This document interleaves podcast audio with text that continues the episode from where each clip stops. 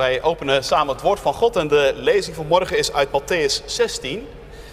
Matthäus 16, het tweede gedeelte vanaf vers 13. Horen wij het woord van God.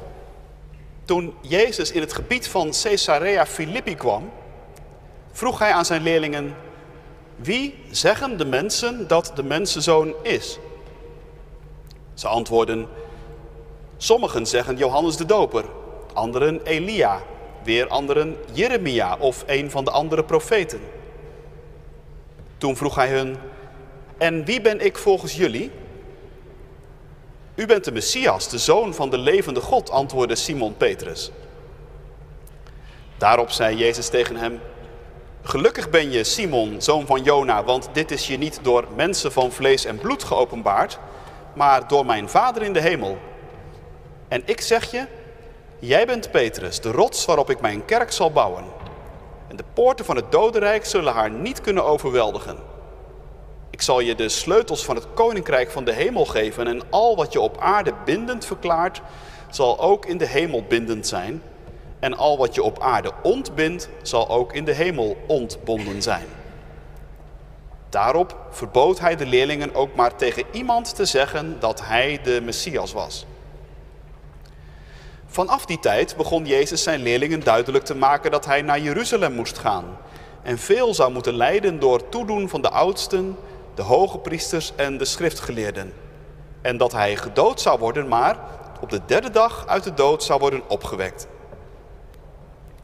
Petrus nam hem terzijde, begon hem fel terecht te wijzen en zei: God verhoede dat, Heer, het zal u zeker niet gebeuren.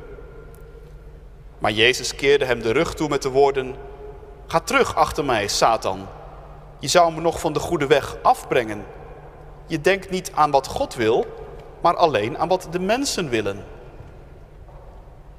Toen zei Jezus tegen zijn leerlingen: Wie achter mij aan wil komen, moet zichzelf verloochenen, zijn kruis op zich nemen en mij volgen. Want ieder die zijn leven wil behouden, zal het verliezen. Maar wie zijn leven verliest omwille van mij, die zal het behouden.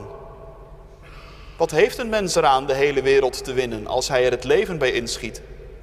Wat zou een mens niet over hebben voor zijn leven?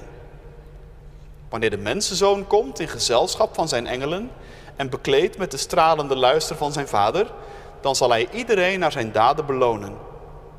Ik verzeker jullie, sommigen van de hier aanwezigen zullen niet sterven voor ze de komst van de mensenzoon en zijn koninklijke heerschappij hebben meegemaakt.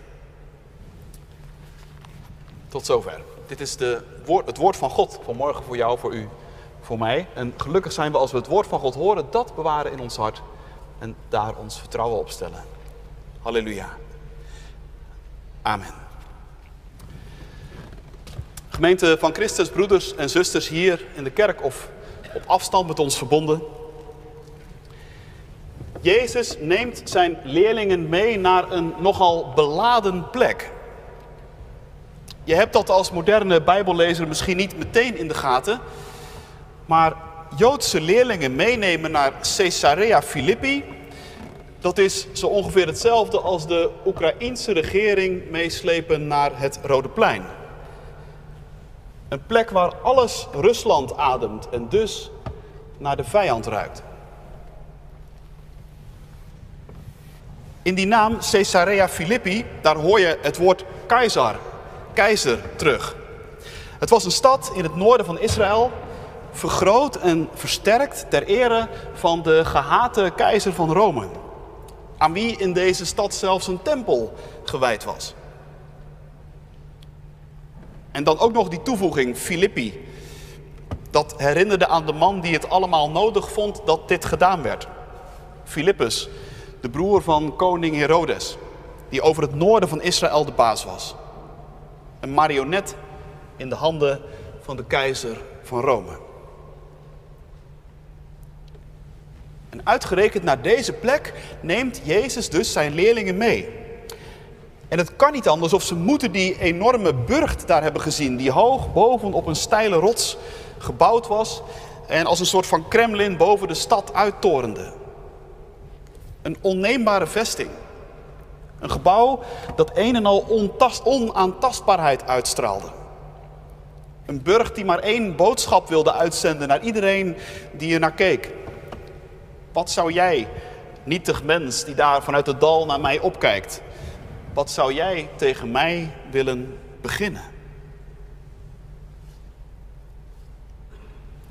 Nu ja, het is niet heel moeilijk om je in te denken hoe de leerlingen van Jezus, Joodse mannen levend onder een Romeinse bezetter, zich gevoeld moeten hebben bij het zien van deze plek en dit gebouw.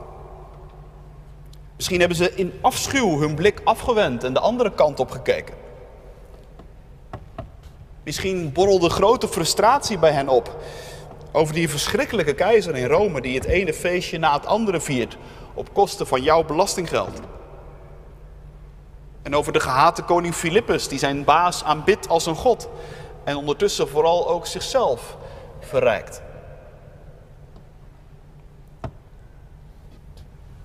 En uitgerekend dus op deze beladen plek stelt Jezus zijn leerlingen een vraag. Wie, vraagt hij, zeggen de mensen dat de mensenzoon is? Wat wordt er zo allemaal over mij gezegd hier en daar? Nou, op die vraag hebben de leerlingen wel een antwoord. Zij vangen ook wel eens iets op over wat de mensen allemaal over Jezus zeggen. Sommigen van u zeggen dat u Elia bent. Sommigen zeggen dat u Elia bent. Antwoord er één. Anderen denken dat u Johannes de Doper bent, zegt een ander. Weer anderen denken als ze u zien aan Jeremia of aan een van de andere grote profeten.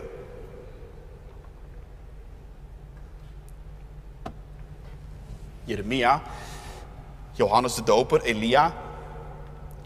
Dat waren, jongens en meiden, stuk voor stuk niet de minste profeten uit Israël. Dat waren nou echt stevige kerels die geen van drieën aarzelden om het op te nemen als dat nodig was tegen machtige koningen. Deze profeten stonden er niet onbekend dat ze gemakkelijk hun mond hielden. Nee, recht voor zijn raap waren ze en durfden ze te zeggen waar het op stond. En ze namen het ook op tegen allerlei onrecht dat ze om zich heen zagen gebeuren. En allerlei machtspolitiek. Dat Jezus dus door de mensen met deze grote profeten wordt vergeleken, dat zegt wel iets. Blijkbaar zien de mensen in Israël in Jezus ook zo iemand. Iemand van het kaliber Jeremia, Johannes de Doper, Elia. Iemand van wie je nog iets kunt verwachten. Maar Jezus is nog niet tevreden. Hij wil niet alleen maar horen wat de mensen in het algemeen over hem zeggen. Hij wil het ook van zijn leerlingen zelf horen. En daarom vraagt hij, en jullie? Wie zeggen jullie nou dat ik ben? Zoals het vaker gebeurt, neemt Petrus Simon het woord. Hij hoeft over zijn antwoord niet lang na te denken. U bent de Christus, zegt hij. U bent de zoon van de levende God. Heel goed, reageert Jezus. Heel goed, Petrus. Gelukkig ben jij, Simon, zoon van Jona. Vanaf nu noem ik je Petrus. Ik ben iemand, of jij bent iemand op wie ik kan bouwen. Ja, je kunt je voorstellen dat dat een indrukwekkend moment geweest moet zijn. Ik kan me zomaar voorstellen dat het even heel stil werd na die beleidenis van Petrus en na het antwoord van Jezus. Een kostbaar en gewichtig moment tussen de meester en zijn leerlingen. Je kunt het daarom ook bijna niet geloven dat diezelfde Jezus, diezelfde Petrus, een paar versen later scherper toespreekt dan ooit tevoren. Hier zegt hij, zalig ben je, Simon, zoon van Jona. En zometeen is het, ga weg achter mij, Satan. Hoe kan dat nou? Wat is er gebeurd? Nou, dat heeft alles te maken met wat Jezus zegt in vers 21. Vanaf die tijd, schrijft de evangelist, Vanaf die tijd begon Jezus zijn leerlingen duidelijk te maken dat hij naar Jeruzalem moest gaan en veel zou moeten lijden door toedoen van de oudsten, de hoge priesters en de schriftgeleerden. En dat hij gedood zou worden, maar op de derde dag uit de dood zou worden opgewekt.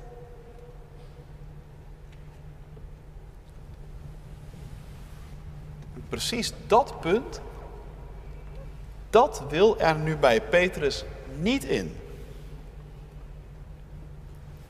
Petrus noemt Jezus de zoon van God. Heel gemakkelijk lijkt het eruit te vloeien. Maar, maar wat blijkt nu? Hij heeft daar een totaal ander idee bij dan dat Jezus zelf heeft. Petrus denkt aan de plek waar ze op dat moment bij elkaar zijn. Caesarea Philippi, die naam die hij nauwelijks over zijn lippen kan krijgen. Hij kijkt omhoog, ziet die gehate burcht, gebouwd tot meerdere eer en glorie van een gehaat iemand in Rome. Petrus ziet een plek die macht en invloed en corruptie ademt. Maar Petrus ziet tegelijk ook Jezus. En dat geeft hem hoop. En daarom geeft hij zo'n krachtig antwoord op die vraag van Jezus. Wie zeggen jullie dat ik ben? U bent de zoon van God, zegt Petrus dan. U bent de Messias. U bent die echte koning waar de psalmen en de profeten al over hebben gesproken. U bent de mensenzoon op wie wij al zo ontzettend lang wachten. En ik weet het zeker, u bent degene die ons gaat verlossen. U bent degene die die gehate keizer in Rome en zijn marionettenkoning bij ons gaat verjagen. Waar wacht u nog op? Verzamel uw leger, kies uw moment, trek op naar Jeruzalem, open de aanval. Ik, Petrus, ik strijd mee in de voorste linies.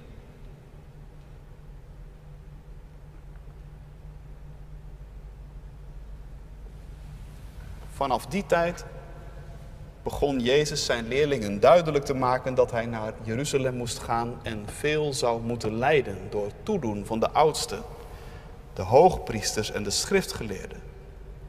En dat hij gedood zou worden, maar op de derde dag uit de dood zou worden opgewekt.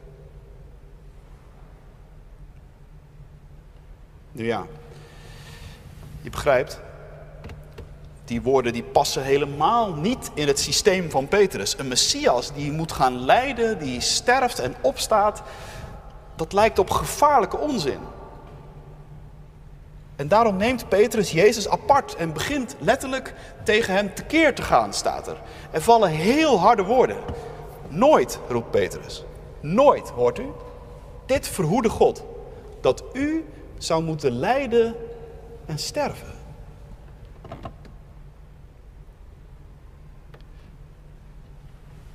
Maar dan wordt ook ineens Jezus ongekend scherp. Ga weg achter mij, Satan, zegt hij. Jij helpt mij niet.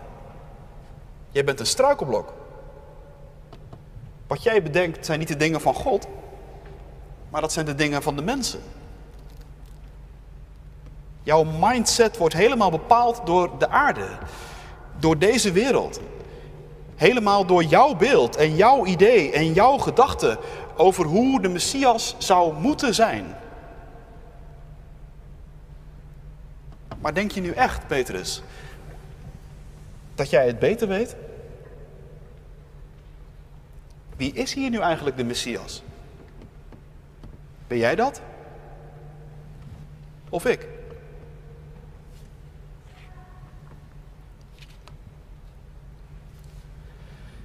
Hele scherpe vraag van Jezus, die ook vanmorgen in de kerk hier naar ons toe komt, aan het begin van de lijdenstijd. Wie is hier nu eigenlijk de Messias? En net als toen klinkt die vraag ook vanmorgen niet in het luchtledige. De vraag klinkt altijd tegen een bepaalde achtergrond. In dit geval de achtergrond van ons leven en de achtergrond van onze harten. Onze harten zijn net als de harten van Petrus en de andere leerlingen een soort van klankborden zou je kunnen zeggen. En, en iedereen heeft zo zijn eigen gevoeligheden waar die op aanslaat en reageert. Net als Petrus hebben we allemaal zo onze woorden, onze begrippen, onze namen, onze gebeurtenissen. Allemaal dingen die zomaar een wereld bij je wakker kunnen roepen.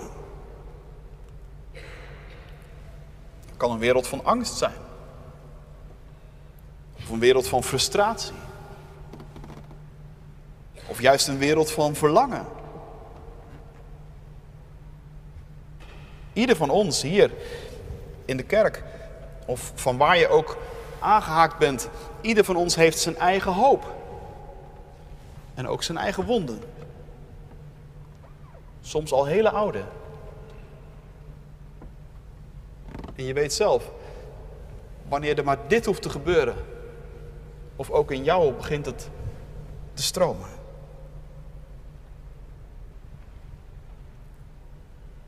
En zo is er ook voor ieder van ons de verleiding om, net als Petrus, ons geloof in Jezus als het ware in te zetten als de ultieme troefkaart. U bent immers de Messias, de zoon van de levende God. Het is voor u toch een koud kunstje om uw macht zo in te zetten dat ondertussen ook ik mijn plannen kan realiseren. En zo onderhandelen we wat af met God. Diep van binnen. In onze hoofden en harten.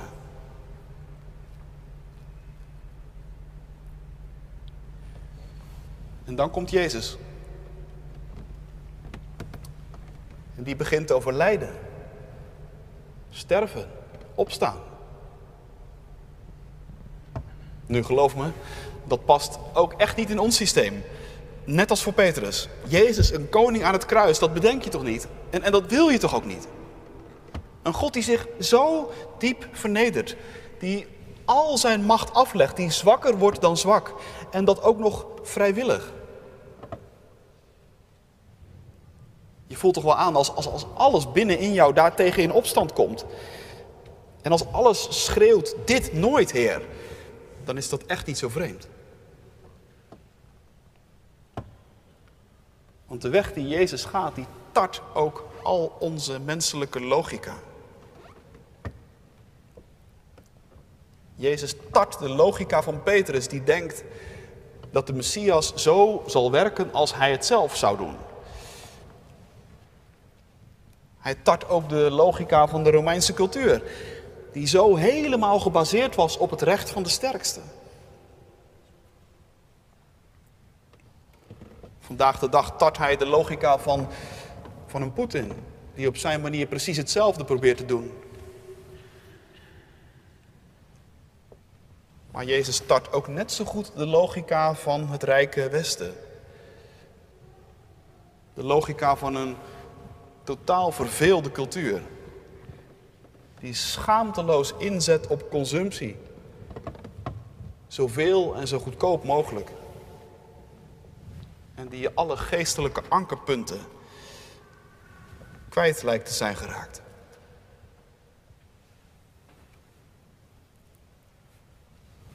Jezus tart in feite alle menselijke logica, altijd, in elke cultuur en in elke tijd opnieuw. Geloof me, zegt hij. Geloof me. Ik behaal mijn overwinning maar niet op de manier die jij of wie dan ook maar zou bedenken. Ik ben niet gekomen om macht af te dwingen. Maar ik ben gekomen om mijn macht af te leggen. Ik behaal mijn overwinning niet door het leven van een ander te nemen, maar door het leven van mijzelf te geven. Alleen dat is de manier waarop er echt redding kan komen.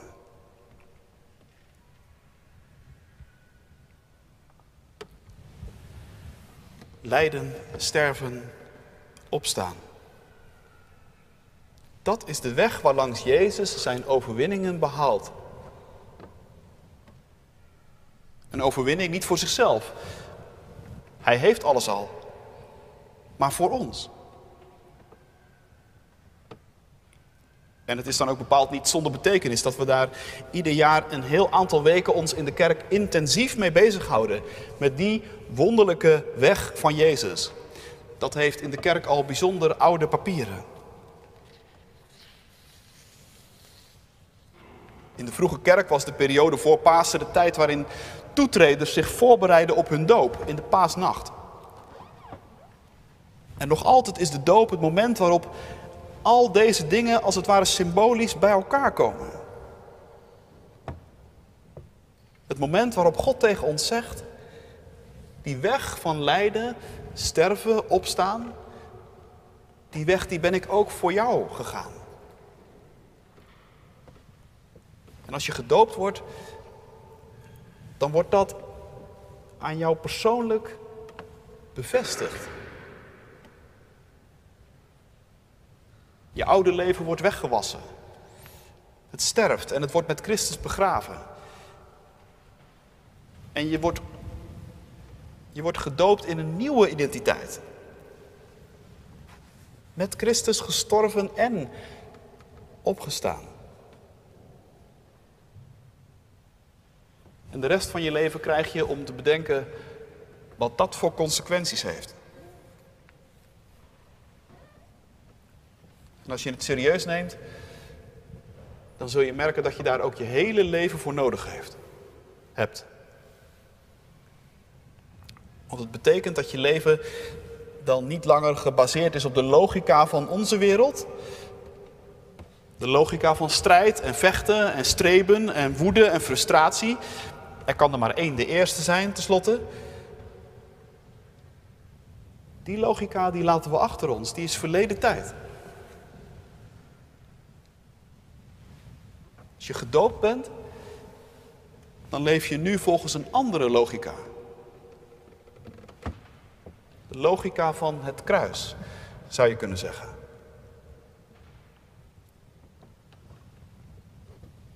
En beslissend voor iedereen die gedoopt is, is niet langer wat je er zelf van zult maken in je leven. Wat je zult gaan presteren. Hoe je carrièreperspectief eruit zal zien. Hoe je over jezelf denkt. Of hoe anderen ooit over jou zullen gaan denken. Nee, beslissend is wat Christus voor ons heeft gedaan. Ons leven, geen eenzame race meer naar een onbereikbare top. Geen struggle for life ten koste van zo mogelijk alles. Maar een wandeling. Een wandeling op de weg achter Jezus aan.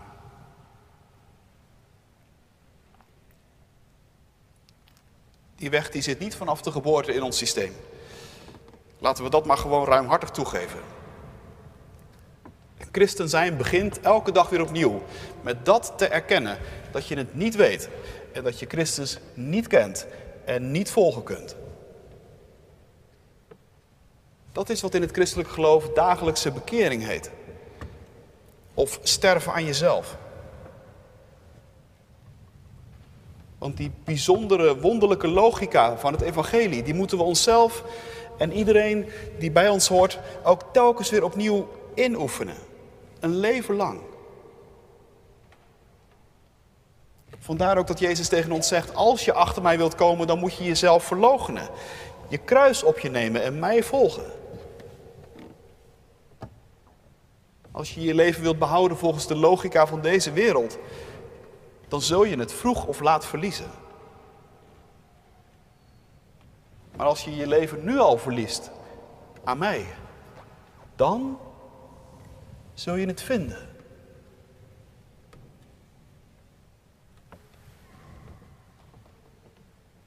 Dat vraagt dus vertrouwen. Dat vraagt loslaten van ons en overgave. Dat vraagt geloof. Durf je het aan? vraagt Jezus vanmorgen. Durf je het aan met mij? Als de koning van het kruis.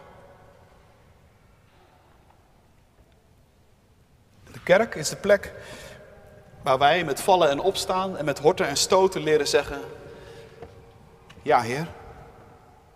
Ja. U hebt ons over de streep getrokken. En alleen door onszelf aan U los te laten, zullen we het leven vinden. Het leven in al zijn volheid. Het leven in de vreugde. Het leven in de vrede. Met U en met de mensen die U aan ons gegeven hebt.